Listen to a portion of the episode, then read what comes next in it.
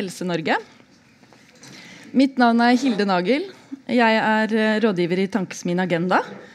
Og i dag så er det en spesiell historie vi har eh, lyst til å løfte fram. Hvor frisk må du egentlig være for å være syk? Hvor smart må du være? Hvor insisterende? Hvor opplyst? Og hvor rik? Vi liker å tro at vi har verdens beste helsevesen, vi liker å tro at alle får den samme hjelpen når vi blir syke, men slik er det faktisk ikke. Så I dag så skal vi få høre historien til Trine Jansen.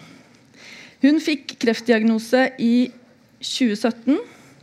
Og I fire år så har hun vært inn og ut av behandlingsopplegg og gjennomgått en mengde operasjoner. Hun er i dag svært syk. Og Likevel så bruker Trine av sin tid og sine tilmålte krefter til å belyse norsk helsevesen. Hun vil fortelle det hun har opplevd, og det er ikke for å få medfølelse, men det er fordi hun har et veldig sterkt ønske om at det hun har erfart, kan løftes opp politisk, og fordi hun opplever at det gjelder flere enn henne selv. Så Derfor har hun også sammen med eh, journalist Anne Håskål Haugen laget en podkast som blir lansert i løpet av høsten nå. Og I denne dokumentaren så vil Trine vise hvordan norsk helsevesen skaper ulikhet. I podkasten bidrar flere stemmer, eh, bl.a. også Reidun Førde, som vi også skal få høre mer eh, fra i dag. Og vi har valgt å åpne dette møtet med Trine som selv forteller sin historie. Så vil Reidun Førde kommentere Trines historie. Og så har vi vært så heldige at vi har fått et politikerpanel med Høyre, Senterpartiet, eh, SV og Ap. Som, eh, som, skal ta opp disse problemstillingene som, som Trine reiser i sin innledning. Men aller først en varm velkommen til eh, scenen, Trine Jansen. Vær så god.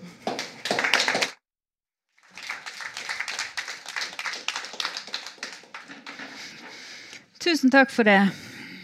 Kjære politikere, kjære venner og kjære alle sammen. Tusen takk for dere har møtt opp her i dag, og tusen takk òg til alle de som følger oss over nettet. Jeg har grua meg til det her. Men dessverre så har jeg funnet ut at noen bør si ifra og fortelle hvordan systemet virker for oss som faktisk er pasienter. Oss som systemet er til for. Jeg var som mange av dere i full jobb og med hektisk familieliv den ene dagen. Til kreftsjuk med spredning og pasient den neste. Bang! Så var jeg ute av samfunnet. Sånn følte jeg det i hvert fall. Jeg er oppvokst med klokketro på det norske helsevesen og på velferdsstaten. Og jeg trodde, som mange andre, at hvis jeg skulle bli sjuk, så ville jeg bli båret gjennom systemet og hjulpet. Og jeg tok det som en selvfølge. Men den nasjonale fortellinga om at vi har verdens beste helsevesen, er veldig sterk. Og det kjennes vanskelig å kritisere for alle kjenner jo ei tante som har operert til kne med stor suksess. Og det er selvsagt òg en del av historien om helsevesenet vårt. Heldigvis. Men det jeg har opplevd, er òg noe annet. Min historie er, som Hilde sa, ikke viktig i seg sjøl.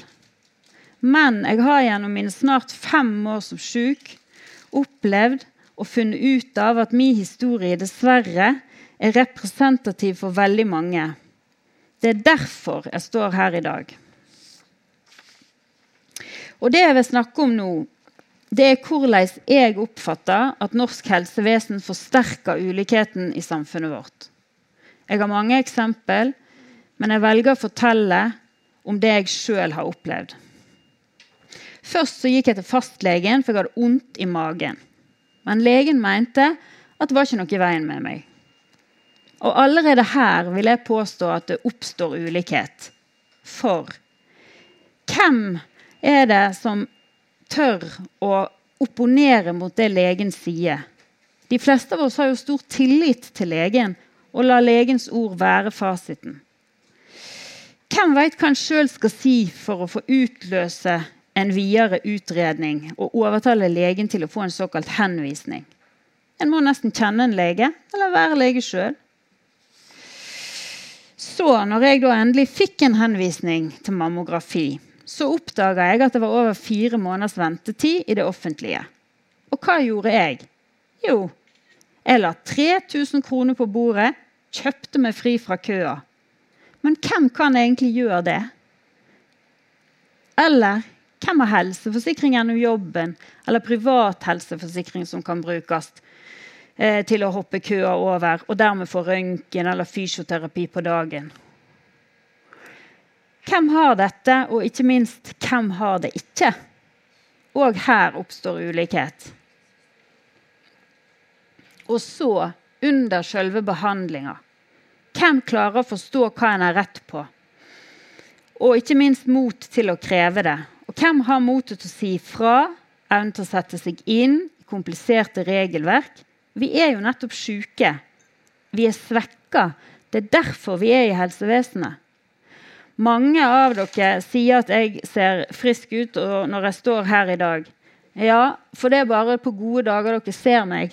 Når jeg ikke har det så bra, så ligger jeg eh, en helt annen plass. Eh, og Senest denne veka her så var jeg innlagt på sykehus. Så jeg er veldig glad for å kunne stå her i dag. Men det å være svekka er nettopp det som er utgangspunktet til veldig mange. Og Problemet er at ingen informerer deg om hva du har rett på, sjøl om rettighetene er lovfesta. Jeg har opplevd å måtte kjempe nettopp for lovfesta rettigheter, men likevel ikke fått det. Alt må du nesten finne ut av sjøl. Det er ingen automatikk i at en får kontaktlege, altså én lege som du kan forholde deg til for å lette kommunikasjon og kontinuitet i behandlingen. Dette selv om alle har krav på det. Eller få kontakt med en barneansvarlig som kan ta ansvar for behovene til ungene dine, som en òg har krav på. Eller gjør bruk av såkalt second opinion.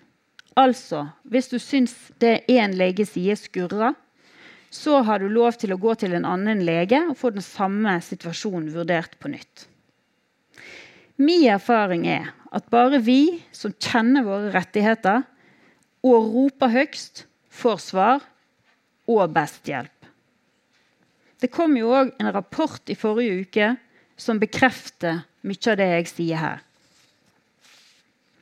Det jeg har opplevd i norsk helsevesen, er altså at du må være ressurssterk for å komme deg gjennom. Du bør ha stort nettverk, familie og venner som kan hjelpe deg. Helst bør du ha penger.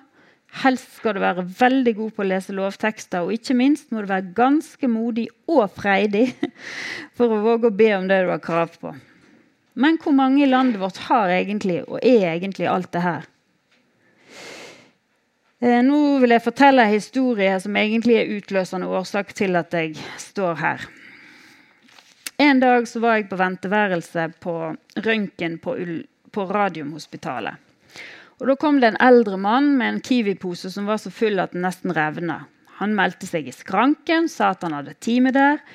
Eh, men resepsjonisten kunne ikke finne han på lista.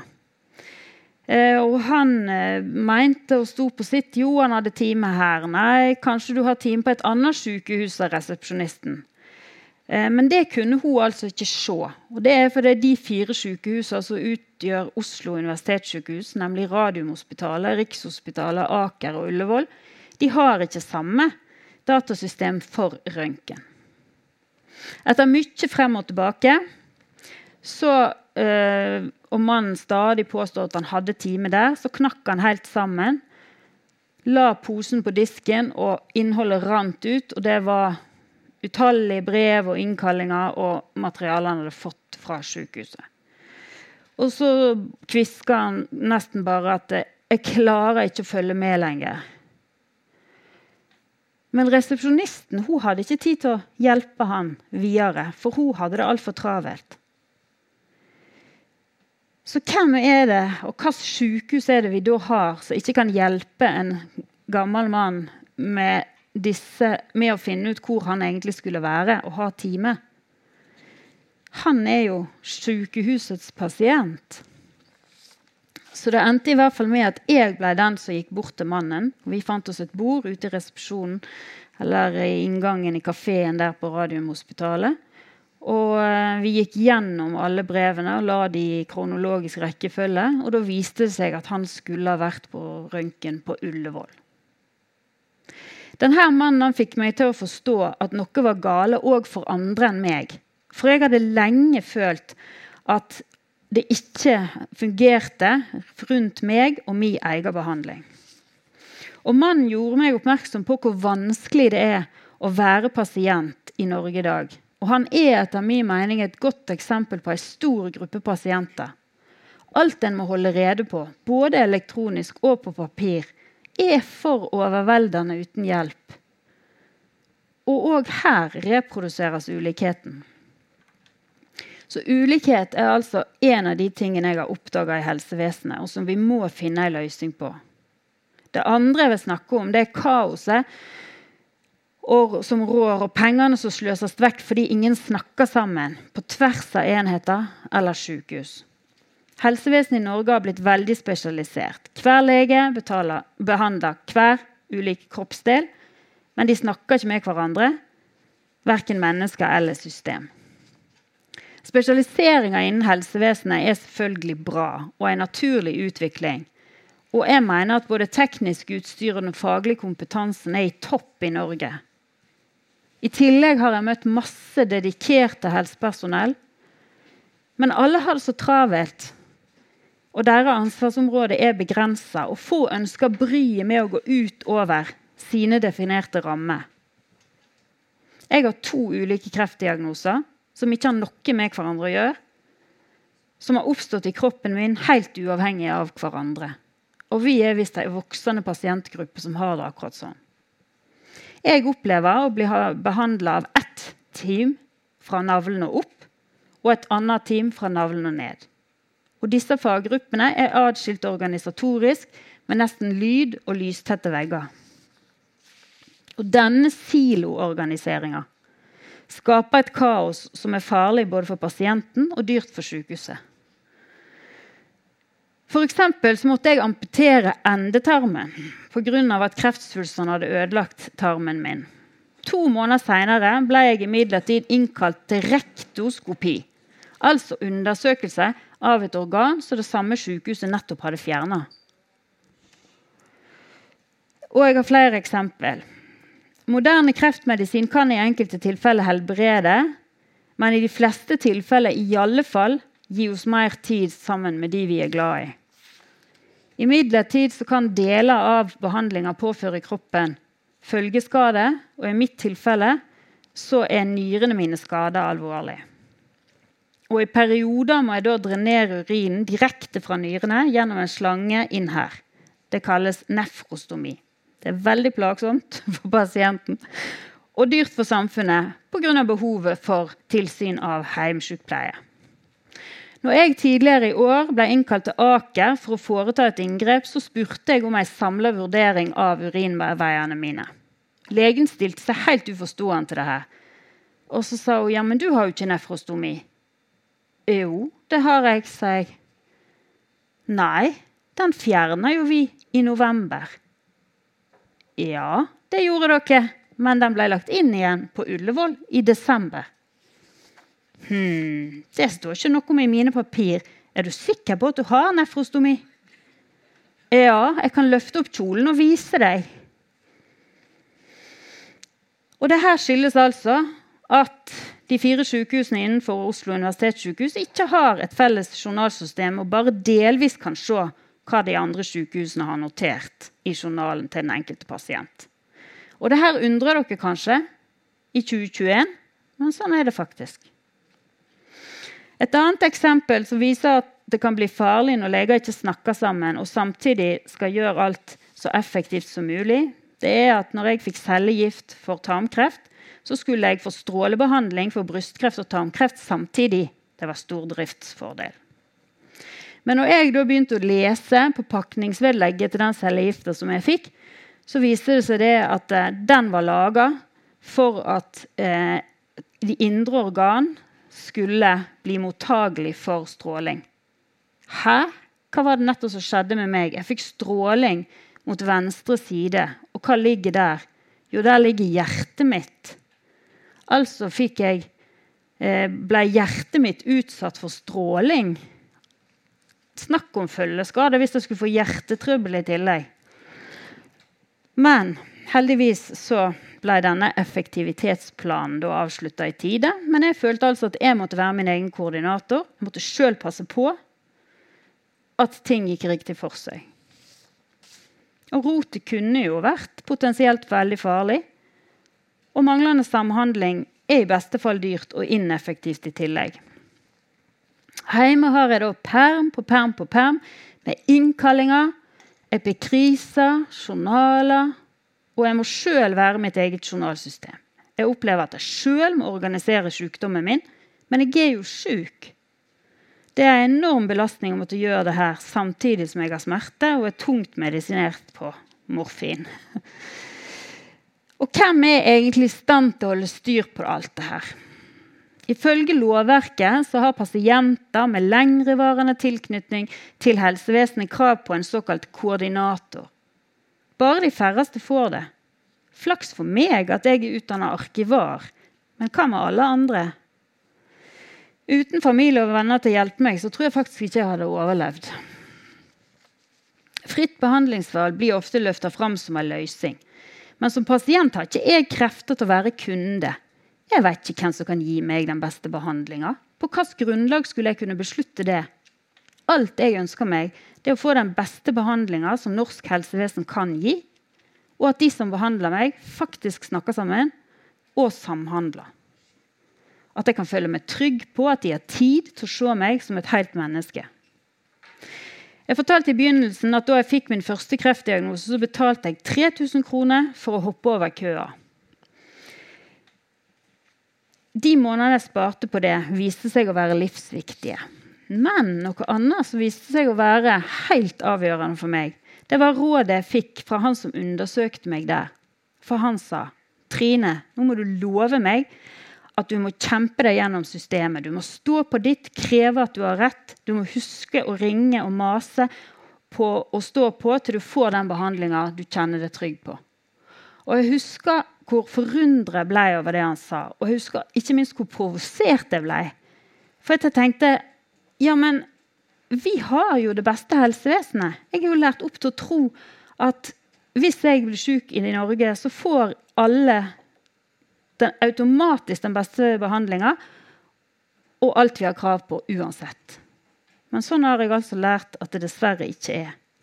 Og det bekymrer meg enormt. Og det burde bekymre flere. Takk for meg.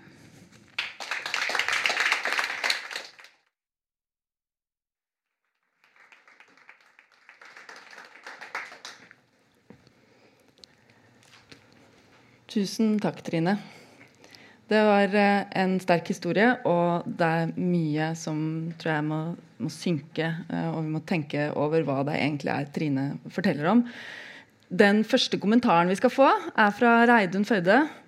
Eh, mange kjenner henne som, som, lege og professor i medisinsk etikk. Eh, du har vært aktiv i veldig mange sammenhenger, Reidun, så jeg skal ikke stå her og remse opp. Du skal få kommentere Trines historie nå.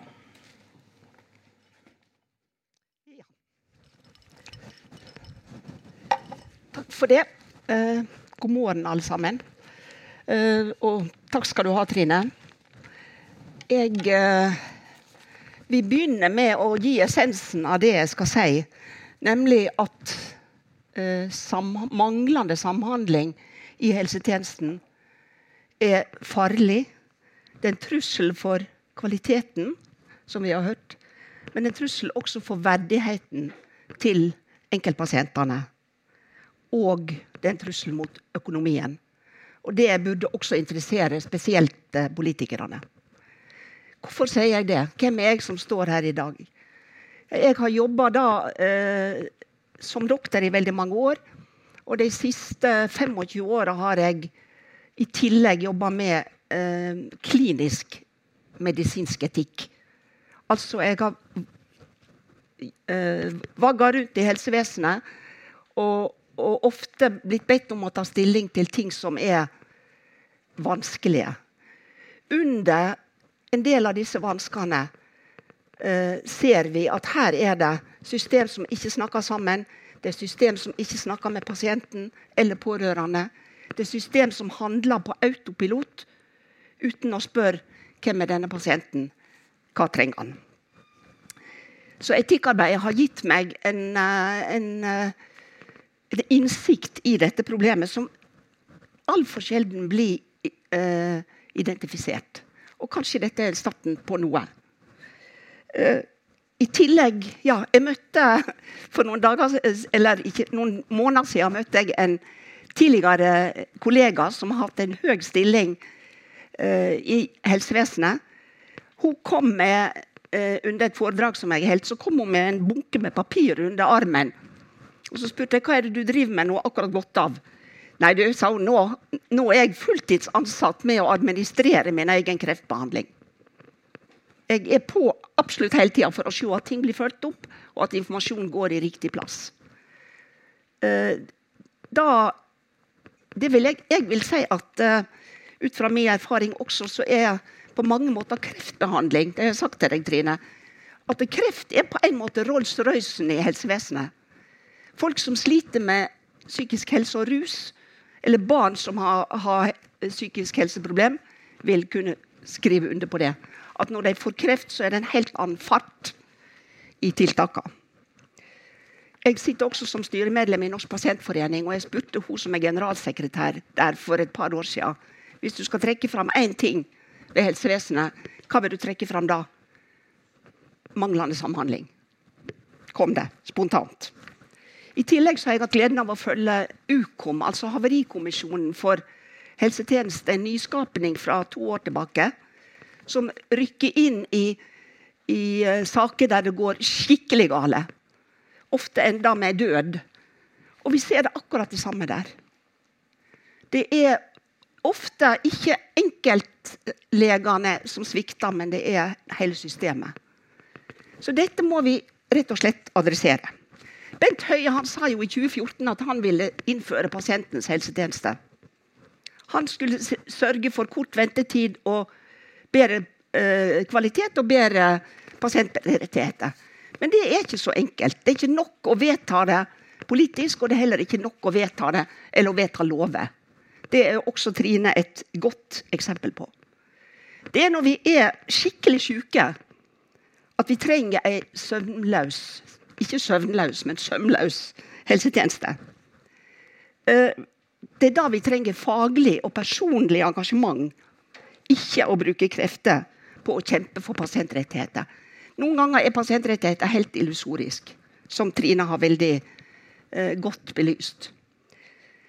Så har jeg også behov eh, folkens, for å si at over alt dette så vil jeg fortsatt si at vi har veldig mye bra og veldig mye å ta vare på i vårt helsevesen.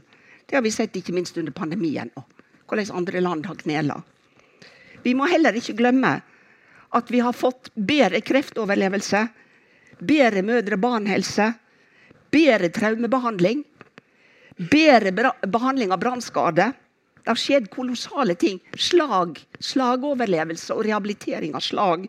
Hjerteinfarkt, leddkirurgi. Fantastisk hva, hva helsevesenet får til. Og folk som jobber på gulvet, er som regel veldig engasjert og dedikert og vil gjerne gjøre det beste. Men så er det som en følge av dette her, at vi vet mindre og mindre og mindre og mindre, og mindre, mer og mer om mindre og mindre deler. At vi får denne silotenkninga og fragmenteringa som Trine er et godt eksempel på. Så helsevesenet er blitt mer oppstykka. Blikket er, går mot de mindre delene, mindre mot helheten. Og da kan vi godt si at vi har pasientens helsetjeneste. Men vi får ikke det av dette her. Helsevesenet er blitt enormt komplisert. Og Derfor er jeg jo spent på å høre politikerne i dag når dere snakker. Fordi, eh, jeg snakka en gang med en, en, som satt i styret på på et av de store helseforetakene. En sentral posisjon i næringslivet. Og han sa jeg har, jeg har aldri forstått hvor mye mer komplisert helsetjenesten er enn alt annet. Verdimessig, eh, organisatorisk Det er så komplisert. Eh, ja. Vi får en ansvarspulverisering. Pasientene vet ofte ikke hvem som er eh, legen. Hvem informerer? Hvem tar beslutninger? Helt sentralt for pasientene. Hva er pårørende sin rolle? Vi ser at de pasientene som ikke har pårørende, er særlig utsatt. Det plager meg som vil ha et solidarisk og rettferdig helsevesen. Vi har fått mer vekt på kostnadseffektivitet, og det skal vi ha. Og stadig mer vekt på jussen. Men det kan, jeg, det kan, vi si til politikerne. Det hjelper ikke å, å, å uh, vedta lo, nye lover hvis ikke du gjør noe med systemet der ute. Igjen, som Trine viser, det er de sterkeste som kan bruke jussen. De som har konkrete lidelser. Som du går inn med og får behandling og ut igjen. Men kronikerne, de som feiler mye, det blir for komplisert. Så hva kan da gjøres? Jeg har ingen svar, dessverre. Men vi må iallfall begynne med å tematisere dette her. Og det krever vidsyn.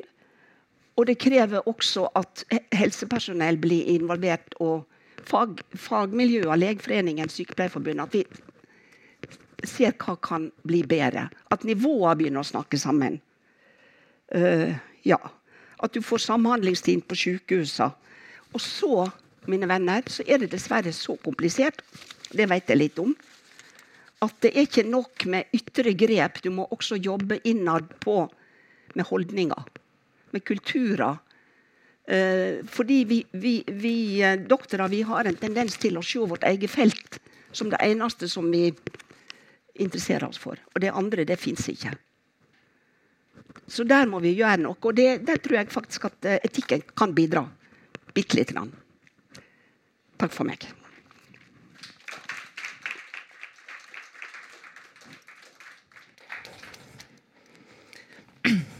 Tusen takk, Reidun.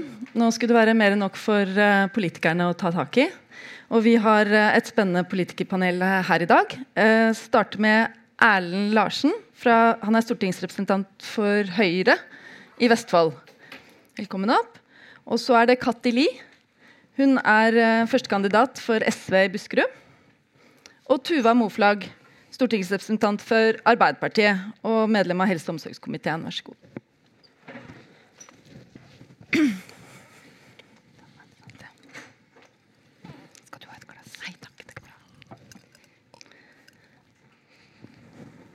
Denne historien har Trine valgt å løfte fordi hun ser at det er noen sider ved den som dreier seg om hvordan helsevesenet er innretta. Det er ikke som vi snakket om innledningsvis, bare for at det er ikke, ikke, for at vi skal høre spesielt hennes historie, det er for at vi skal se hva slags utfordringer er det hun stiller nå eh, til helsevesenet. Og dere er politikere, så da er det jo naturlig å starte med en sånn litt sånn bred førsterespons. Hva er førsteresponsen din, Tuva, når du hører eh, Trines historie nå? Førsteresponsen er jo at det er utrolig sterkt å høre på. Og jeg vil si takk til Trine, som bruker sine krefter eh, midt i en alvorlig sykdom på å ta kampen for morgendagens pasienter. Eh, og så er det dessverre sånn at det er gjenkjennelig. Det er ikke første gangen vi hører det. Eh, og mange har kanskje opplevd det sjøl også. Jeg har um, jo vært i helsekomiteen sammen med Erlend nå i fire år. Og engasjerte meg i hjernehelse. Litt sånn tilfeldig, egentlig. For jeg syns det var et spennende område som trengte mer oppmerksomhet. Leste den hjernehelsestrategien og tenkte at her er det mye bra. Uh, og så opplevde jeg at mannen min fikk MS. Uh, og fikk da se forskjellen på det som sto i den strategien som politikerne smykker seg med, og hvordan hverdagen faktisk var. For den avstanden var ganske stor. Mm. Åpne for, for, deg også, Katti. Du er sykepleier og fra helsevesenet, og også politiker. Mm. Uh, hva, hva, er dine første refleksjoner når du hører Trines historie? Ja, nei, altså, Jeg er også veldig eh, imponert og, og eh, glad for at Trine deler denne historien. Eh, det må jeg si. Og så er jo jeg heller ikke særlig overraska. Eh, jeg er jo eh, Jeg er jo lungesykepleier, av alle ting. Og, og har jo da jobba veldig mye med eh, kolspasienter. Alvorlig syke kolspasienter. Og de eh, har jo Altså, det er vanskelig å være kreftpasient. Eh, men kreft har blitt løfta på, på, en annen måte. Mens eh, for eh, kolspasientene så er det faktisk enda verre. Fordi de blir, er en stigmatisert gruppe. De opplever ofte å liksom få skylda for sykdommen sin selv. Litt. Fordi at det ofte skyldes røyking. Så, så, jeg har jo liksom opplevd det veldig på nært hold i jobben min. At de har det fryktelig, fryktelig vanskelig og møter veldig lite eh, koordinering og, og samhandling eh, i sine forløp. Da. For det, det jeg ser, det er jo at, at um, dette her er jo verst for de som har lange forløp som jo også gjelder jo begge disse gruppene, og mange andre også. Og så er det liksom eh, Jo eldre man er, eh, og hvis man er eh, Hvis man har noe eh, psykisk lidelse, så er det kjempevanskelig. Og også de med innvandrerbakgrunn sliter veldig med å eh, både finne ut av hva de har krav og rett på, og, mm. og få den hjelpa de trenger. Mm. Så det eh, Ja. Det, det er trist, men jeg er ikke sånn veldig mm. overraska. Erlend Larsen, jeg glemte å si at du også da eh, sitter, er medlem av helse- og omsorgskomiteen. Men dine også umiddelbare reaksjoner nå, før vi går ned i, litt mer inn i politikken i dette? Det er jo sterkt å høre den historien som du har. Eh, og det er vondt å høre også hvordan du har opplevd helsevesenet og, eh, og din, hvordan din, din, historie er. Det er jo ikke sånn noen av oss ønsker at den skal være. Eh, på noen som helst måte. Så det er, det er vondt å, å, se og observere og høre alt det som da ikke fungerer. Samtidig så syns jeg jo også den, det innlegget til Førde uh, var uh, veldig godt. Både i forhold til å sette fingeren på hvilke utfordringer som er i helsevesenet. fordi det er jo også en del strukturelle årsaker, som du var inne på, Fødde. og det er også en del strukturelle ting som man kan gjøre, som du var inne på. og også Eh, kompleksiteten. Fordi eh, jo mer kompetanse eller hva skal vi si, Hvor større den teknologiske utviklingen er innenfor helsevesenet som kommer, jo mer vanskelig vil dette også bli. Um, så det er et veldig viktig spørsmål og tema som egentlig kanskje Legeforeningen og Kreftforeningen burde deltatt på også. Fordi vi som politikere vi, vi opererer jo tross alt på et veldig overordna nivå. Det er ikke meningen at vi skal ned på et styringsnivå. Fordi vi har ikke kompetansen som Førde sitter med, f.eks. Mm. Uh, det skal vi aldri forsøke å ta over oss. Vi er nødt til å bruke mennesker med den kompetansen for å uh, gjøre helsevesenet så godt som mulig. Og så skal vi heller forsøke å legge til rette mm slik at de strukturelle endringene kommer. Vi skal prøve å ta tak i noen av de utfordringene som, eh, som eh, Trine Jansen og Reidenfødd reiser nå. En av dem er jo det at det finnes, de forteller det fins en del lovfestede rettigheter, og praksis er en helt annen. Det kan nesten virke som om politikerne har innført rettigheter uten at de egentlig har tenkt helt gjennom hvordan det faktisk skal kunne bli rettigheter som er reelle og gjennomføres i praksis. Hva kan man gjøre med det problemet? Tuva først. Jeg vil eh, peke på to ting. Det ene er at kanskje Stortinget eh, må tenke enda nøyere gjennom hvor mange rettigheter man gir folk. Eh, fordi det kan fort bare bli en papirrettighet. Eh, og vi har jo liksom gått over i et rettighetssamfunn hvor folk får flere og flere, flere og flere rettigheter, mens det bare er de som har eh, ja, lengst utdanning eller disse sosiale indikatorene da, som jeg har pekt på, som klarer å nyttiggjøre seg av de rettighetene. Og spørsmålet er jo da hvor mye det stjeler fra å kunne faktisk levere pasientbehandling. Mm. Det samme ser vi f.eks. i barnehage. ikke sant? Hvor mye skal du bruke på dokumentasjon kontra å faktisk følge opp ungene på avdelingen din? Så, så, så det er det ene. Eh, det andre er dette med helsekompetanse. Og det at eh, vi vet at for mange er det mye vanskeligere å navigere. Og da må faktisk legen være den som jevner ut det. Mm. Du må møte en som har tid til å guide deg i systemet. Og for mange klarer ikke den. Trine snakket jo her om en kontaktlege også, som ikke alle helt klarer å få benyttet seg av eller får et tilbud om. Men, men Erlend, er dette en virkelighetsbeskrivelse du kjenner deg igjen i, og hva kan man gjøre med den egentlig? Altså kontaktperson, ikke kontaktlege nødvendigvis. Og skal det være en individuell plan. Mm. Uh, og det er uh, Hvis man har en kompleks sykdom, kompleks uh, behandling, så skal man ha det. og der er jo fastlegen en viktig person. Det er jo fastlegen som er koordinatoren for en enkeltpasient. Fast, noe av årsaken til at vi har fastlegesystemet vårt, er jo at vi ønsker at fastlegen skal ha god kontroll på den enkelte pasient. Eh, når det gjelder dette med pasientrettigheter, som du innleda med, så er jeg ikke så sikker på om det er en ulempe. for hvis vi ser, Nå er det mulig at jeg misforstår utgangspunktet, men eh, tar vi det motsatte ytterligheten og sier at vi ikke har noen pasientrettigheter, da hadde vi kanskje ikke fått historien, for da hadde kanskje Trine sitt svar vært at eh, du har fått den behandlinga som vi har å tilby. Men er ikke det man peker på nettopp her at det er ganske stor avstand mellom det som man har krav til på, mm. papiret, og hvordan det faktisk er organisert? Og, det, og det har vi jo hørt flere eksempler på også. Det skyldes delvis en uh, silotenkning i helsevesenet, mm. og det skyldes delvis en manglende oppfølging av pasienten. Det er jo en uholdbar situasjon. Altså det, det, sånn kan vi jo ikke ha det.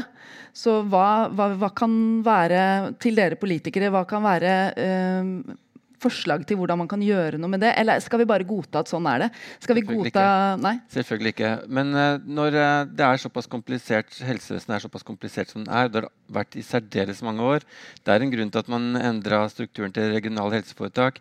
Det er en uh, årsak til Samhandlingsreformen. Det er en årsak til veldig mange av disse strukturelle endringene man har gjort over tid. Mange regjeringer har gjort. Så vil vel jeg Nå er jeg nå Vi er da anta påstå at dette med pasientrettigheter det handler også om også Når Stortinget og regjering eh, fatter eh, strukturelle regelendringer, strukturelle bestemmelser hvordan helsevesenet skal fungere, så setter man et regelverk ovenfra og ned. Og det er som Tuva sa, at man vil oppleve som pasient at det er stor avstand mellom hva vi bestemmer på Stortinget, og hva den enkelte pasient får. Så hvis du skal eh, få til en strukturell endring på en raskere, kanskje forhåpentligvis en bedre måte, så stiller du krav fra begge sider. Både fra oss på oversiden og pasienten fra, fra bunnen, da, kan du si, eller ytterst, i, ytterst da, i, i, helsevesenet, som pasienten. Og hvis ikke pasienten har noen rettigheter, så har han jo ikke noen mulighet til å gå tilbake og, og stille krav om strukturelle endringer som gjør at vi får bedre tilbud til pasientene over tid. Og det vil jo, det som Trine kommer med nå, vil jo være med på å gjøre at det blir bedre tilbud til pasienter som kommer etter henne. Det håper jeg i hvert fall. Katti, hva tenker SV rundt dette? Nei, altså, jeg vil ta tak i en ting som Trine sa. og det er at uh, Hun har ikke krefter til å være kunde. Uh, og uh, jeg mener at nå må vi slutte å drive sykehusene våre som en butikk som skal tjene penger. fordi at når vi gjør det, så eh, skal det lønne seg. Og da eh, Der man kan spare penger, det er på personalet. Så veldig mange sykehus i dag går med eh, minimum bemanning. Eh, og folk løper beina av seg. Eh, og stadig vekk så blir, det, blir man påtvunget sånne eh, forbedringsprosjekter. Kontinuerlig forbedring, heter det. så fint.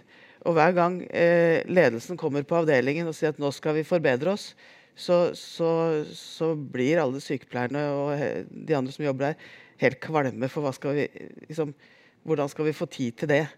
Eh, og, og det, også, det, som jeg også syns er en pinlig ting, det er jo at eh, eh, den offentlige arbeidsgiveren, som sykehusene jo er, eh, er dårligst i klassen på å ansette folk i hele faste stillinger. Fordi Eh, med den utstrakte bruken av deltid, eh, minimum bemanning, så har du mange som gjerne har kompetanse, eh, gjerne vil gjøre sitt beste, men du får ikke noe ordentlig kontinuitet i den jobben du skal gjøre, hvis du ikke har det eierskapet til jobben som, som en helt fast stilling gir. Og det tror jeg er en av nøklene her til å få, eh, få et bedre eh, helsevesen, en bedre sykehushverdag eh, som gir pasientene eh, mer av det de skal ha. Du hadde tegnet deg. Ja, og det jeg støtter fullt og ut det. For en som er 100% på jobb, kan jo også gi en bedre oppfølging, ikke bare i jobben sin, men til pasienten, som jo er det det, det handler om. Men um, Trine tok opp dette her med um, journalsystemer som ikke snakker sammen. Og jeg tror at vi må være flinkere. Nå hørte jeg Katti si kontinuerlige forbedringsprosjekter, og at det hørtes litt sånn fælt ut, men jeg tror kanskje ikke det er så dumt. For jeg lurer på om vi noen ganger tenker at f.eks. med journalsystemer og ting som skal snakke sammen, så skal vi løse dette en gang for alle, og det ligger liksom 15 år fram i tid. Jeg tror vi må være flinkere til å plukke ned lavthengende frukter og egentlig forbedre, forbedre, forbedre, forbedre hele veien. For vi ser jo at en del av de tingene som trengs, og som ligger ganske sånn latent, det blir utsatt fordi vi vi skal ha det store prosjektet som skal bli enda bedre der framme. Og da ender vi kanskje opp med at vi får et nytt system som er utdatert i det vi tar det i bruk. for å si det litt sånn enkelt. Pasientens legemiddelliste er jo et eksempel på noe som, eh, som helsetjenesten sier at de skriker etter, fordi legemiddelfeil er en av de største feilkildene i, til feilbehandling i helsetjenesten. Men pasientens legemiddelliste er utsatt fordi det er bakt inn i et enda større prosjekt som skal bli enda bedre, og så skal det bli enda større og enda bedre. Mm. Har, har, du, altså nå, det du snakker om, er bl.a. dette store Akson-systemet, som også kommer i podkasten, Trine, hvor man uh, har brukt veldig lang tid på å utrede et journalsystem som ender opp med å egentlig ikke kanskje passe så godt for noen. Er, er Tuva inne på noe her når det gjelder det at vi tenker for stort, store systemer som lages en gang for alle? Er det en riktig virkelighetsbeskrivelse, tenker du?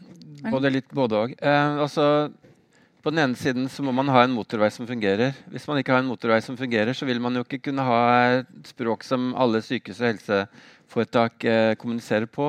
Så vi bør ha en felles kommunikasjonskanal som går fra fastlegen opp til sykehusene og ut til eh, andre behandlere. Så den biten bør jo på plass, men det er jo åpenbart blitt et uh, veldig stort og tungt prosjekt. Og så er det en svakhet at ikke vi ikke har, uh, har et godt uh, sam at du har eh, database, eller dataspråk som snakker sammen. Da, slik at det, man det var en problemstilling som dukket opp da, i min første jobb på 90-tallet. Da var det snakk om hvorvidt man skulle få til en, en form for kommunikasjon på pasientnivå. Eh, fortsatt er ikke det på plass. Eh, sånn jeg ser det utenfra, så, så handler det vel også om eh, å på en måte få på plass et system som, eh, som, hvor du bygger det nedenfra. Eh, er, ikke det, er ikke det egentlig Altså, nå spør jeg alle sammen, Er ikke det egentlig en politikeroppgave også å kunne legge til rette for det? Altså, er ikke, jo. til, syvende og sist er jo alt en politisk oppgave. Mm. Ikke sant? Det er vi som har ansvaret for helsetjenesten. Mm. Eh, og det er klart ikke på detaljnivå, på oppfølgingsnivå legepasient. Mm. Men vi legger rammene, og vi må være veldig varsomme med å, med å skyve mm. byråkrater og andre foran oss. Men mm. jeg tror som sagt at her har vi starta på toppen starta for komplisert istedenfor å jobbe med eh, å plukke ned lavthengende frukter. Mm. Og så er det klart Du må ha et, et, datasystem som snakker sammen. Du må ha et språk. Nå er ikke jeg teknolog sjøl, men det er noe med at hvis prosjekter blir for store, så vil de ikke lykkes. Mm. Vi må eh, heller eh, sørge for at vi får etablert kommunikasjon på tvers, og at man snakker et felles eh, språk. Mm. Et litt annet uh, tema, det er for så vidt det samme, det går gjennom hele presentasjonen til Trine, er dette med ulikhet. Det at du må ha ressurser for å det hele tatt forstå systemet, som vi har hørt om. Det at du kan kjøpe deg fri eh, ved at du kan ha privat helseforsikring eller komme unna kø. Det opplever jeg Trines historie forteller eh, en, en, historie om, om, om, hvor hun er bekymret for en historie om ulikhet. Eh, er det noe som dere er, er det en virkelighetsbeskrivelse som dere deler? Er dere også bekymra for en, en, ulikhet i helsevesenet? Begynner med deg, Ellen. Ja, absolutt. Det er jeg. Jeg har ikke noe ønske om at det skal være noen ulikhet. Det er Hvem er det som ønsker det? Jeg kan ikke se for meg at det er noen av oss som ønsker det. hele tatt. Eh, og jeg mener jo, Vi har litt ulike innretninger og oppfatninger av hvordan, og effekter av det man gjør. Eh, men jeg mener jo at vi eh, legger opp til et system hvor man ikke skal ha ulikheter i helsevesenet. Hvor eh, det offentlige skal betale for de helsetilbudene man får. Så jeg er faktisk veldig opptatt av det. Og jeg skjønner hva hun sier også med dette med at hun må at enkelte pasienter, kanskje veldig mange, må være sin egen koordinator, og den utfordringa det er. Og for mennesker som spesielt innenfor psykisk helse som er slitne og ikke har så veldig mye overskudd fra før av, og det har man ikke på fysisk helse uh, så er det veldig vanskelig å skulle være det. Og sånn skal det ikke være. Vi har fastlegesystem som skal være med på å hjelpe pasienten. Og vi har, nå har vi innført pakkeforløp innenfor kreft. Der er det også strukturelle systemer som skal ivareta pasientens interesser hele veien. Så det er veldig synd å høre disse tingene når det ikke fungerer. Tuva? Ja, det er jo en politisk debatt, så jeg tillater meg å være litt skarp tilbake mot Høyre. fordi at eh, jeg, jeg, skjønner at Erlend Larsen eller Høyre de vil ikke ha sosial ulikhet i helse. Men realiteten blir jo det likevel når man f.eks. med fritt behandlingsvalg, som det kom en rapport på forrige uke, som viser at forsterker sosiale ulikheter i helse, likevel går til valg på å øke den ordninga. Så det blir, jo, det blir jo en stor avstand da, mellom handling og ord. Når man sier at man ikke ønsker sosial ulikhet i helse, men likevel vil liksom male på med de ordningene som faktisk bidrar til å øke den sosiale ulikheten. Da må man kanskje justere kursen litt. når man man har fått rapporter som viser at den helsetjenesten man bygger opp, ikke fungerer etter de intensjonene man snakker om. Det, det var interessant den rapporten, fordi den ble vinkla veldig to forskjellige måter i media. Det var hentet fram av Høie som et eksempel på at uh, her fungerer det norsk helsevesen veldig bra. Og så var den uh, også presentert av de forskerne som uh, sto bak den, som at her var det veldig store mangler og utfordringer som Tuva peker på. Hva sier du, Erlend? Er det fungerer, eh, fungerer, fritt behandlingsvalg her godt? Og, og, og, og hva, hvorfor, hva, hva, vil, hva, er din kommentar til Tuva her? Også fritt behandlingsvalg er et veldig godt utgangspunkt. Det er et veldig godt utgangspunkt fordi at man tar i bruk samfunnets ressurser innenfor helsetjenesten. og Det er staten som betaler. Og fritt behandlingsvalg har vært med på å redusere helsekøene med to uker. For helsekøene har gått ned med ca. to uker i snitt i denne regjeringsperioden. de åtte årene her. Um, så fritt behandlingsvalg har veldig mange kvaliteter. Fordi For pasienten så vil han muligheten til å kunne uh, få et helsetilbud som uh, en, har kortere kø. Uh, og det er staten som betaler, det er det som er viktig. Og så er det også svakheter med det systemet også. For det er svakheter med alle systemer når du går inn og leter etter det. så finner du det. Eh, men jeg er helt sikker på at fritt behandlingsvalg er med på å korte inn køene til pasientene. Det gir et, eh, totalt sett et bedre tilbud. Og der, selvfølgelig er det forbedringspotensial der også. Og Spesielt innenfor rus og psykisk helse er fritt behandlingsvalg veldig viktig. Det ble i hvert fall pekt på ganske betydelige svakheter i denne evalueringen. Men uh, Katti, hva, har du noen kommentar til denne diskusjonen? Ja, altså Det har jo vist seg at det er de mest ressurssterke som uh, benytter seg av uh, fritt behandlingsvalg. Eh, og så er det jo det å si at eh, av at man oppretter private eh, behandlingstilbud, så blir det ikke flere leger, flere sykepleiere osv. Eh, det er de samme folka eh, som, som, jobber begge steder, og man tapper det offentlige helsevesenet for eh, personell. Eh, og det er alvorlig, fordi at det er de da mest eh, ressurssvake, eller de som ikke klarer å buksere seg rundt i systemet, som fortsatt står igjen i det offentlige helsevesenet. Eh, og, og, det gjelder mange av de eh, som er kronisk syke og har lange forløp. Eh, og da får de et enda dårligere tilbud fordi eh, ressursene tappes ut til de som har mest ressurser. Mm. Trine pekte jo også på dette kaosproblemet. Silokaos tror jeg han brukte ordet synes det er egentlig ganske godt eh, sagt. fordi at eh, noe av problemet oppstår når eh, man bare er opptatt av sin lille del. Og at det kan være veldig god kompetanse og veldig bra hjelp på hver av de områdene, men det hjelper ikke så veldig for den pasienten når ikke man blir sett som en hel person, og når ikke de eh, sektorene snakker sammen. Og nå nikker dere alle sammen. Men da er jo det noe som man er nødt til å gjøre noe med, er det ikke det? Erlend? Jo, definitivt. Og Førde svarte de opp også. På, uh, hun hadde jo også noen av disse svarene på noen av årsakene til at ting er som det er, også strukturelle ting. Eh, selvfølgelig kan uh, vi bestemme mye på Stortinget. men når det kommer til strukturell organisering, så er det på ledernivå. Vi kan, vi, kan, bestemme at ikke det skal være noen det skal oppstå feil i helsevesenet. Men det er like fullt når det kommer ned på et strukturelt nivå at en del av de tingene skjer. Så jo, vi kan legge opp til systemer. Undersøkelseskommisjonen for helse er en del av disse systemene. Pakkeforløpene er en del av disse systemene som skal ivareta disse tingene og unngå at disse feilene skjer. Eh, men så skjer det likevel. Eh, og da må vi Vi kan innføre noen systemer.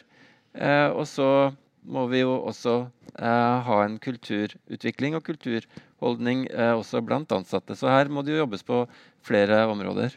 Mm. Struktur er vel også politikerskapt, og det viser vel ikke minst den eh, debatten vi har hatt eh, rundt organisering i helsevesenet nå inn i valgkampen. Men eh, Tuva? Eh ja, og her har jeg faktisk lyst til å gi eh, regjeringspartiene skryt. Vi tåler å gjøre det òg. Jeg tror at pakkeforløp har vært en god eh, altså forbedring av helsetjenesten som har bidratt til å skape en viss struktur i det kaoset. Samtidig så må vi jo huske at mennesker ikke er pakker, så det er en veldig god start. Trine er jo et eksempel på at alle passer ikke inn i den logistikklinja som er lagt, når man da har to kreftdiagnoser i stedet for én. Eh, så der syns jeg jo at det som politikerne har lovet med en kontaktlege, at det skal være en som faktisk tar ansvar for helheten, at det er en god rettighet for pasienten. Men det hjelper jo ikke når ikke du opplever det da eh, når, når, ikke du opplever det i virkeligheten. Eh, men det er utrolig viktig at når vi har da eh, pakkeforløp som bidrar til en struktur, at det likevel er mennesker der eh, som ser den eh, på andre sida av bordet som de skal behandle. Eh, og at dette handler ikke om logistikksystemer, men om mennesker. Men har det handlet litt for mye i norsk helsevesen også om eh, pasientgjennomstrømming og stykkprisfinansiering, og det at eh, helse er blitt sett på som noe som produseres, og eh, at eh, sånne som Trine blir kunde istedenfor å bli en pasient og et menneske. Er det, er, er det noe i den kritikken? Ja, du nikker vel? Ja, ja, ja, ja, jeg gjør det.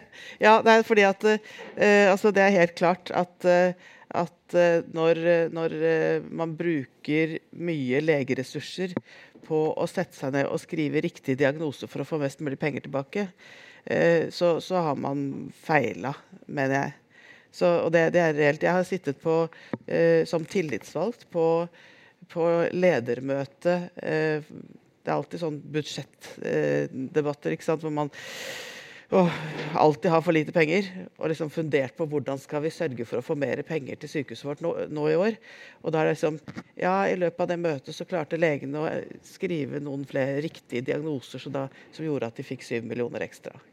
I løpet av en times møte.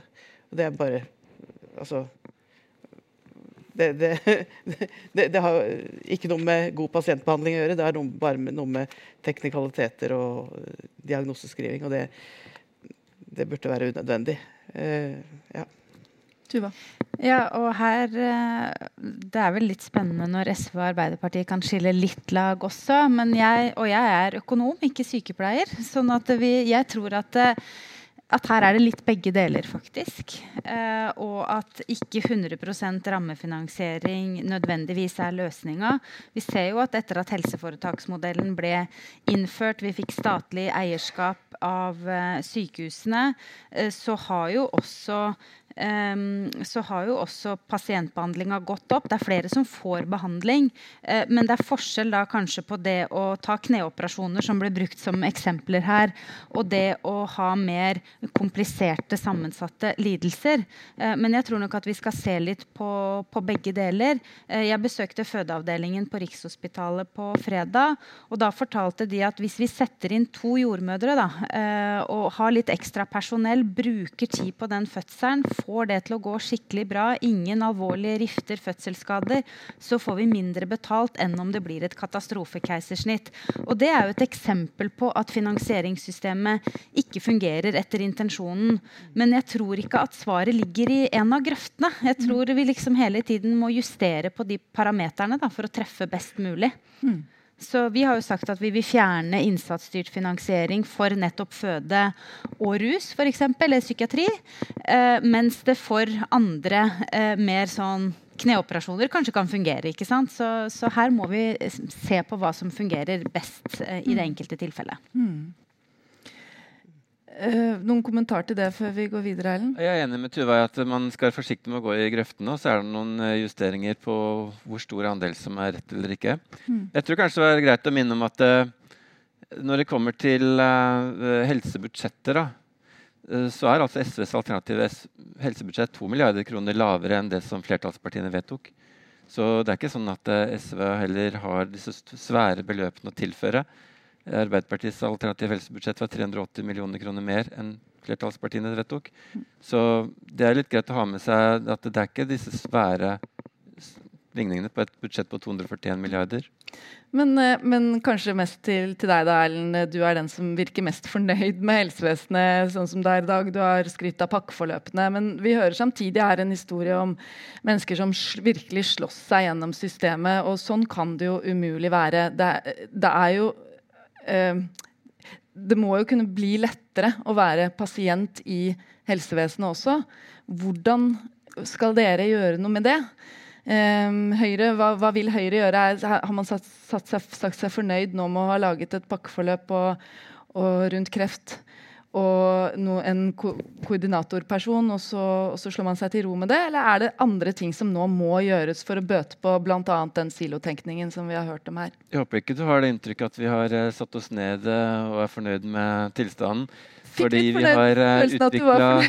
vi har utvikla eh, pakkeforløpene innenfor veldig mange sektorer, også innenfor rus og psykisk helse. Eh, og nå kommer eh, muskel og skjelett, som er, kanskje, blir kanskje noe av de viktigste pakkeforløpene også. For muskel og skjelett er noe av det som rammer flest mennesker, og ikke minst kvinnearbeidsplasser og, og arbeidsplasser ute i produksjon. Så det er, det er, jo en bit av dette her. Jeg mener jo at Undersøkelseskommisjonen, som opposisjonen stemte imot, er en veldig viktig bidragsyter. fordi de er, der kommer det mye kompetanseutvikling og mye, mye læring. Eh, så vi jobber videre med å strukturere og forbedre helsetjenesten. Definitivt. Hva er dere, dere andre nå på, på, dette med ulikhet? Hva er det som bør på plass og som kan på plass, komme på plass relativt raskt. Vi har også hørt om en bekymring for et todelt helsevesen, hvor man gradvis, kanskje ikke over natta, men gradvis får et stadig større skille på de som kan betale seg ut, og de som ikke har mulighet til å betale seg ut f.eks. av en kø, eller har en helseforsikring som gir en spesielt, eh, mulighet til et spesielt tilbud. Eh, Tuva? Ja, F.eks. med røntgen var det vel Trine brukte som eksempel. Så handler jo dette om hvor mye det offentlige bruker på å kjøpe privat kapasitet. Fordi at når man da kan kjøpe seg fram i køen, så tyder det på at kapasiteten er der, men at det offentlige har kjøpt for få plasser. Eh, og da handler det jo om å bl.a. styrke helsebudsjettet totalt sett. Det er vel rundt regna halvannen milliard vi har hatt på et normalår, men koronabudsjettene har jo vært spesielle, så la oss legge de til siden. Og så har jeg lyst til å si at dette handler om de menneskemøtene som er i helsetjenesten. At en lege må ta pasienten på alvor uansett, uansett hva slags bakgrunn de har, og kanskje har et særskilt ansvar for å løfte de som har kortere utdanning, lavere inntekt, fordi vi ser at noen er innmari flinke til å stå på krava sjøl. Og da må faktisk systemet være de som løfter de som ikke kan det. Jeg var på en debatt i Arendal som handla om helsekompetanse. Og vi snakka om hvordan vi skulle øke helsekompetansen til eh, ressurssvake etterspørrere. Det var et sånt rart uh, begrep mm. som ble brukt. Mm. Og da kjenner jeg at jeg blir litt provosert. Fordi at uh, hvis en tredjedel er ressurssvake etterspørrere, så er det jo ikke dem det er noe gærent med. Da er det systemet som er rigga feil. Hvis ikke vi klarer å ha et system som sørger for at folk får likeverdige helsetjenester, og som utjevner de sosiale forskjellene som ligger i bunn. Mm. Katti? Nei, altså jeg, jeg, mener at vi skal ha et sterkt offentlig helsevesen som drives av det offentlige, eh, som tar vare på folk. Eh, det er viktig. Og så eh, tror jeg at det fins Eller jeg vet at det fins masse kompetanse i helsevesenet vårt. Eh, men det vi står i ferd med nå, det er å mangle folk. Eh, og eh, uansett hvordan vi vrir og vender på det, så tar det tid å utdanne folk. Eh, og eh, da er vi nødt til å sørge for at vi beholder de folka vi har. Eh, vi er nødt til å sørge for at eh, vi mobiliserer de ressursene som nå jobber deltid, eh, eller som velger å gå ut av eh, både lege- og sykepleieryrkene og over i andre ting. De må vi prøve å mobilisere tilbake. Fordi at Ellers så kommer vi til å ha en kjempekrise eh, i forhold til eh, mangel på helsepersonell, rett og slett. Eh, og da blir det veldig vanskelig å ta vare på folk. Så en av de og, og når, vi snakker, når vi snakker om økonomi, da, så, så, så er jo en av, en av, de store mytene det er at eh, hvis vi øker bemanningen, så eh, blir det veldig mye dyrere. Men hvis vi øker bemanningen med folk som er i hele faste stillinger, så kan det faktisk lønne seg. Fordi, eh, fordi det vi har i dag, pga. den utstrakte deltidsandelen, det er jo bemanningsbyråer som leier ut vikarer, som koster tre ganger så mye som eh, å ha en sykepleier i hel fast stilling. Så, så, der har vi mye å hente. Så vi vil rett og slett kaste ut de bemanningsbyråene av helsevesenet. Eh, og sørge for at, at folk heller har en, en eh, hel fast jobb på sykehuset. For da, da tror vi at tjenesten også blir bedre, og det blir lettere å mm. koordinere og ta vare på folk. Kompetanse og hele faste stillinger eh, i helsevesenet, hører vi. Ellen Larsen? Ja, og de antall som har gått opp til hele stillinger, har økt denne regjeringsperioden her. Mm. Og nå har også Bent Høie inngått en samme uh, avtale med Norsk Sykepleierforbund om å øke kravene til helseforetakene om å gå opp i økte stillinger. Jeg tror ikke det at helseforetakene kjøper inn eller leier inn sykepleiere fra bemanningsbyråer til en høyere pris enn hva det ville kosta å ha egne ansatte i større stillinger. Så her er det nok flere ting som spiller inn. Det er ikke så lettvint som det høres ut. Der kom det en kjapp hånd fra Tifa. ja, altså Vikarbruken har jo passert en milliard i både sykehus og kommuner. Så det er jo utvilsomt veldig store summer som går til vikarbyråer, bemanningsbyråer. Men jeg hadde bare lyst til å si det er fint at, at heltidsandelen øker, men vi må få lov til å ta litt eierskap til det, vi òg. For det var en, eh, en, lovendring under de rød-grønne som gjorde at du har krav på den stillingsbrøken som du faktisk har jobba i. Og det er jo den som har slått inn etter 2015, eh, som har gjort at denne heltidsgraden øker. Og nå har jo, det er vel både SV og Arbeiderpartiet som nå tar til orde for at vi skal snu på den bevisbyrden. At det må være sånn at arbeidsgiver må sannsynligvis sannsynliggjøre hvorfor ikke man skal tilby full stilling. Eh, mens det nå har vært sånn at du løper etter. Har du jobba så mye, så har du krav på den stillingen. Nå skal det snus. Du må forklare hvorfor du ikke kan tilby 100% stilling i utgangspunktet. Så vi ønsker å stramme inn det lovkravet ytterligere. Mm. Så det å kunne følge opp og, og, ha en hel stilling og sånn sett også være involvert, peker du på, Katti. Men hva med tid? Fordi at det, Tid er også en dimensjon som kom inn her. Både Reidun tror jeg var inne på, men også Trine. At uh, denne resepsjonisten som skulle ta imot han med plastposen, som for øvrig var en ganske sterk historie, jeg tror ikke den er enkeltstående, uh, kom til da en som ikke hadde det på sin arbeidsplan, å hjelpe han i det hele tatt. Er tid også uh, noe som du må fakturere inn på samme måte? Måte som du fakturerer inn eh, diagnosebehandling osv. Altså det å ha tid til å følge opp.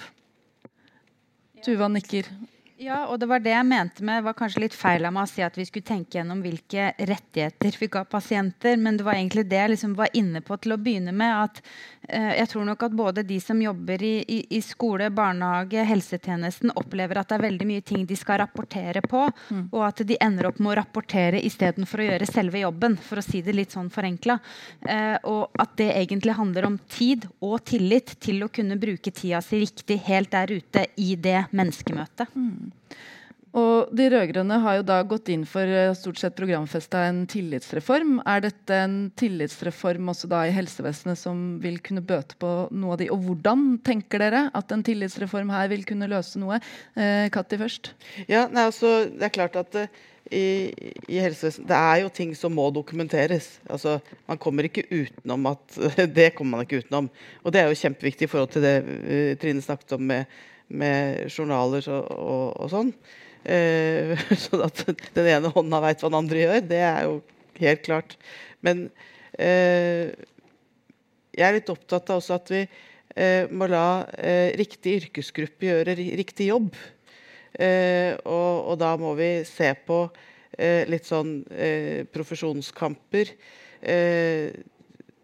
det er kanskje ikke nødvendig at en sykepleier vasker gulv og kjører senger. Eh, det kan kanskje noen andre gjøre. Eh, altså Sortere litt mer sånn da, for å bruke ressursene på en god måte.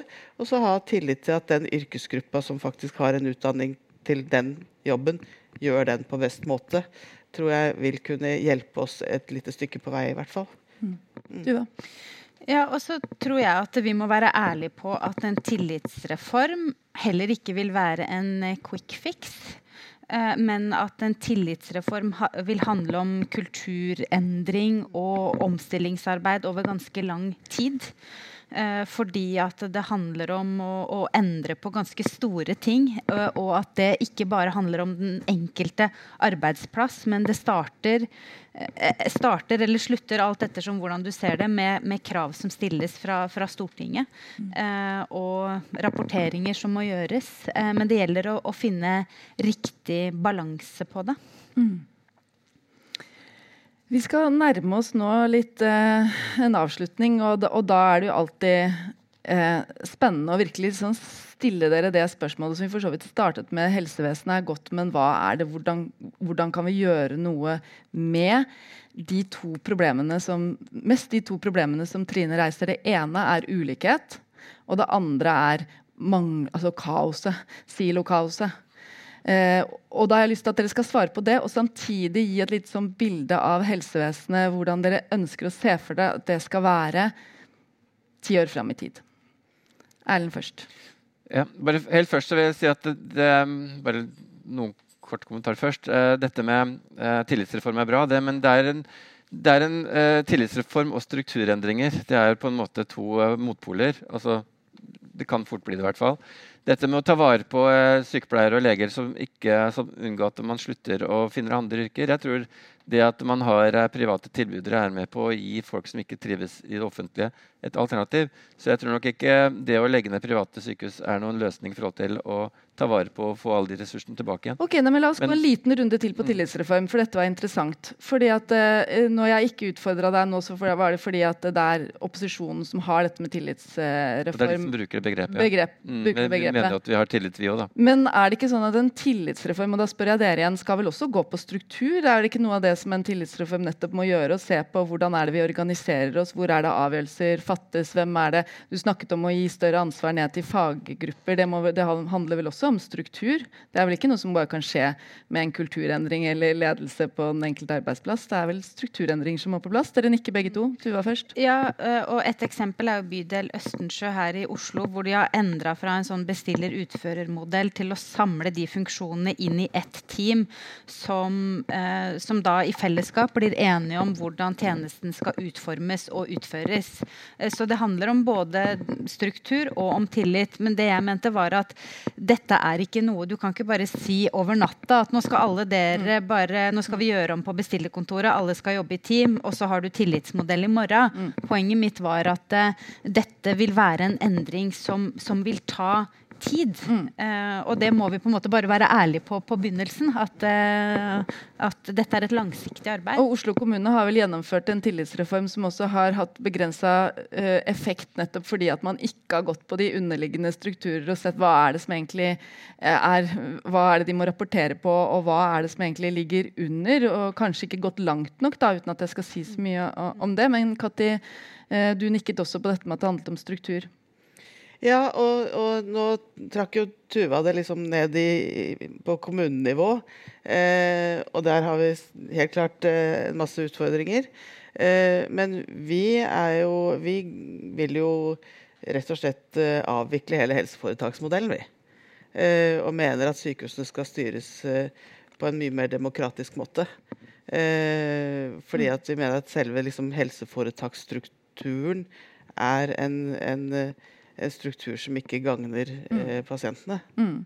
Og, og, det skulle vi gjerne hatt liksom, timevis til å Du skal få kommentere, men her er jo tillitsreformen alt fra de veldig enkle tingene som man kan gjøre nå, til eh, sånn som ganske radikale grep som å fjerne en hel eh, helseforetaksmodell. Men Erlend, du ville kommentere? Jeg tror det er med på å skape større siloer. Jeg tror det er med på å gå tilbake til hvordan helsevesenet fungerte og var rigga før, ikke hvordan det er nå og fram i tid. Vi får stadig ny teknologi i helsetjenesten. Det er teknologi som ikke alle sykehus kan ha. Det er teknologi som enkelte sykehus må få tildelt. Det er kompetanse som ikke alle sykehus kan ha. Det er kompetanse som enkelte sykehus må få tildelt. Og da tror jeg det viktige her er at det, innenfor, et, innenfor, et, uh, helse, innenfor helseforetaksmodellen, hvor um, de som da er i Helse Sør-Øst f.eks., der blir det psykisk å ha kompetanse på det området, for den nye teknologien. For de kan ikke alle ha.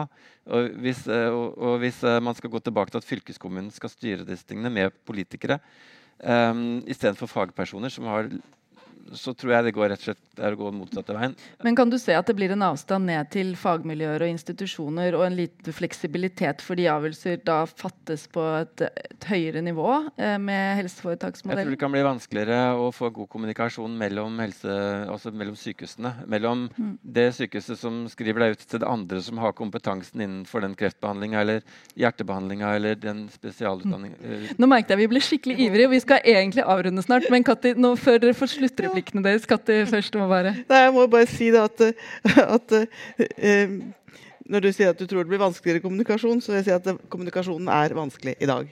Eh, fordi at eh, altså Vi kaller jo bare Helse Sør-Øst for Helse Størst. Eh, og det, altså, Der tas det avgjørelser over hodet på de andre under.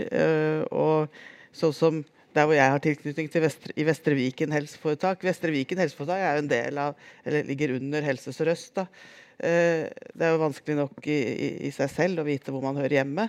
Eh, så får man bare vedtak tredd nedover hodet som eh, ja, Det er ikke noe demokratisk ved det for å si det sånn. Jeg vet ikke du, nå, vi, nei, vet du hva, vi, nå vi må gå inn for landing på denne biten her, men Tuva Jeg, jeg syns noen ganger at helseforetaksmodell og finansieringsmodeller blir litt sausa sammen. fordi fylkeskommunene drev også med innsatsstyrt finansiering, som er stykkprisfinansiering.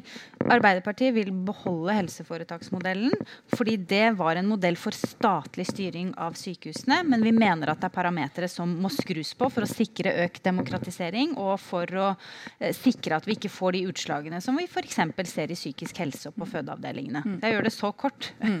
Ja. Og, nå, og, nå, skal vi faktisk gå inn i den litt sånn viktige til Trines historie, eh, sluttkommentaren deres. Og det går da på ulikhet i helse. Eh, vi har alle egentlig vært enige om at det er et problem. Og Det, bare det synes jeg i seg selv eh, viser at det er viktig å hente opp en sånn historie som det. fordi at vi har sett både Reidun eh, dokumentere og Trine fortelle om at det å være pasient er eh, vanskelig, og ekstra vanskelig hvis du ikke har ressurser til å selv kunne følge opp. Og da kombinert med det, det silokaoset, som jeg synes er et godt ord, hvor man ikke snakker sammen på tvers godt nok og ikke samordner godt nok kommentar på det, pluss hva man ser for seg at helsevesenet vil være om ti år, hvis det virkelig beveger seg i riktig retning? Erlend Jeg syns det er veldig viktig at uh, spesielt de som har utfordrende helse uh, som skal gjennom utfordrende helsebehandling, da, får koordinator og får uh, noen som hjelper dem gjennom systemet. For Det må ikke være slik at man skal bruke store ressurser og energi på eh, å få den rette behandlinga. Da er det noe fullstendig galt. Eh, så det har vi nødt til å, å bli bedre på. Eh, og vi skal ha et helsevesen som, hvor den statlige helsevesen skal være ryggraden i norsk helsetjeneste også i, i forhold til vår politikk.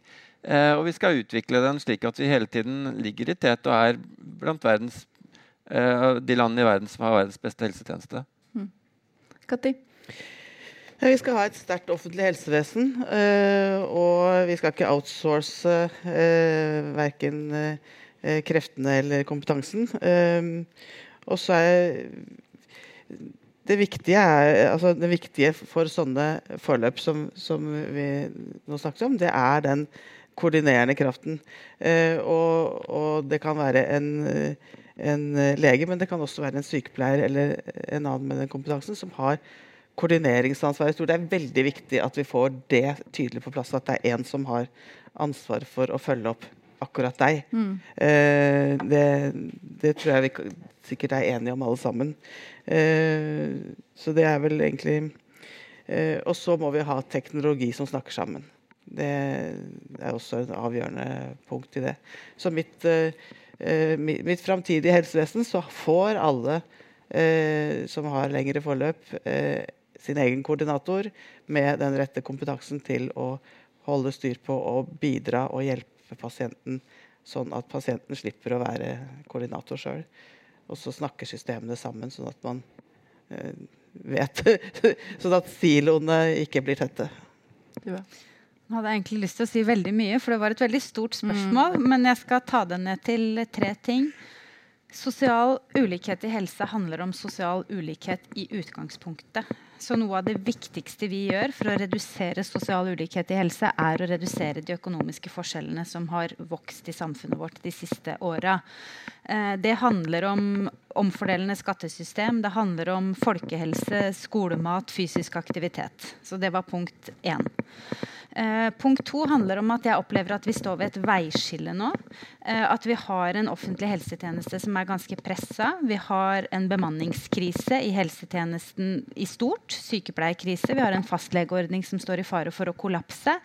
Hvis vi skal ha denne gode helsetjenesten som den er for mange, selv om vi har de historiene til Trine, så må vi forsvare den. Og vi må sørge for at det offentlige virkelig er ikke bare grunnmuren, men egentlig det ypperste om ti år. Hvis ikke så vil det, det vokse fram en, en alternativ privat industri på helse. Vi står ved et veiskille nå. Og Det siste er det som man har vært inne på her. at eh, Når man snakker om pasientens helsetjeneste, så betyr ikke det at pasienten skal ta ansvar for helsetjenesten, men at pasienten skal bli ivaretatt i helsetjenesten, og at man har noen som sørger for at ikke det bare er et logistikkløp, men en, et pasientforløp. Så koordinator eh, støtter jeg. Tusen takk. Ikke minst tusen takk til Trine Jansen som delte den historien. Takk til Reidun Førde som fulgte opp, og takk til Politikerpanelet. Og takk til alle dere som har fulgt med på denne, eh, dette møtet. Tusen takk for nå.